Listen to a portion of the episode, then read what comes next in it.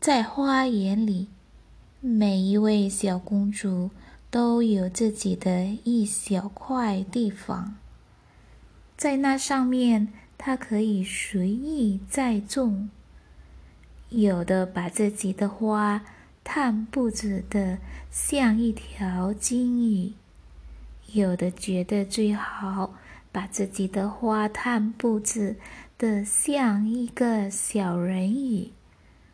可是，最年幼的那位却把自己的花坛布置得远远的，像一个一轮太阳。同时，他也只种像太阳一样红的花朵。他是一个古怪的孩子，不太爱讲话。总是静静的在想什么东西。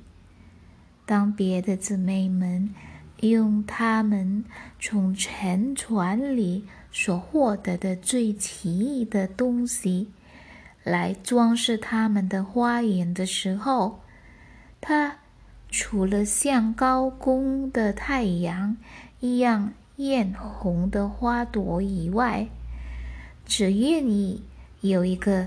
美丽的大理石像，这石像代表一个美丽的男子。他是用一块洁白的石头雕出来的，跟一条遭难的船一同沉到海底。他在这石像旁边。种了一株像玫瑰花那样红的吹柳，这树长得非常茂盛。它新鲜的枝叶垂向这个石像，一直垂到那蓝色的沙底。它的倒影带有一种。紫蓝的色调，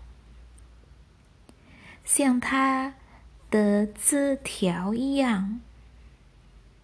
这影子也从不径直，树根和树顶看起来好像在做着互相亲吻的游戏。Di dalam kebun bunga. Setiap putri duyung memiliki sepetak taman untuk diri mereka. Di petak-petak itu, mereka boleh menanam apa pun yang mereka inginkan. Ada yang membentuk kebun bunganya dengan bentuk ikan paus. Ada yang memilih membentuknya seperti putri duyung kecil.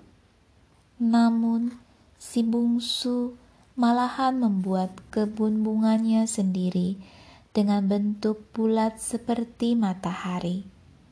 Di taman itu, dia juga menanam bunga kemerahan yang berpijar seperti matahari.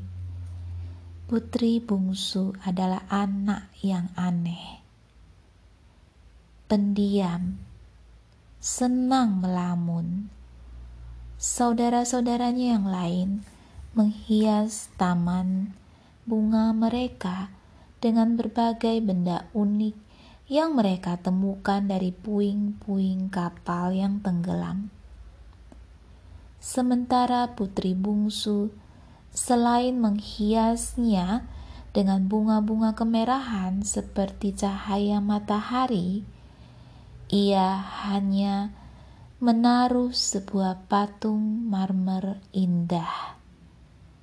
Patung ini menampilkan patung bocah laki-laki yang tampan. Patung ini terbuat dari marmer putih asli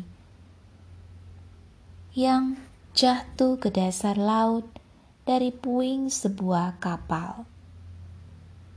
Di dekat patung itu, si bungsu menanam pohon dedalu, merah semerah bunga mawar.